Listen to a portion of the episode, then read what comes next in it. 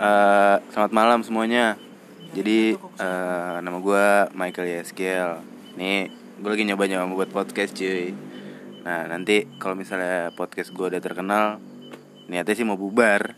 Sebenarnya cuma buat terkenal terus bubar gitu doang. Jadi sebenarnya podcast gue tuh bicara tentang kehidupan kehidupan di circle gue gitu.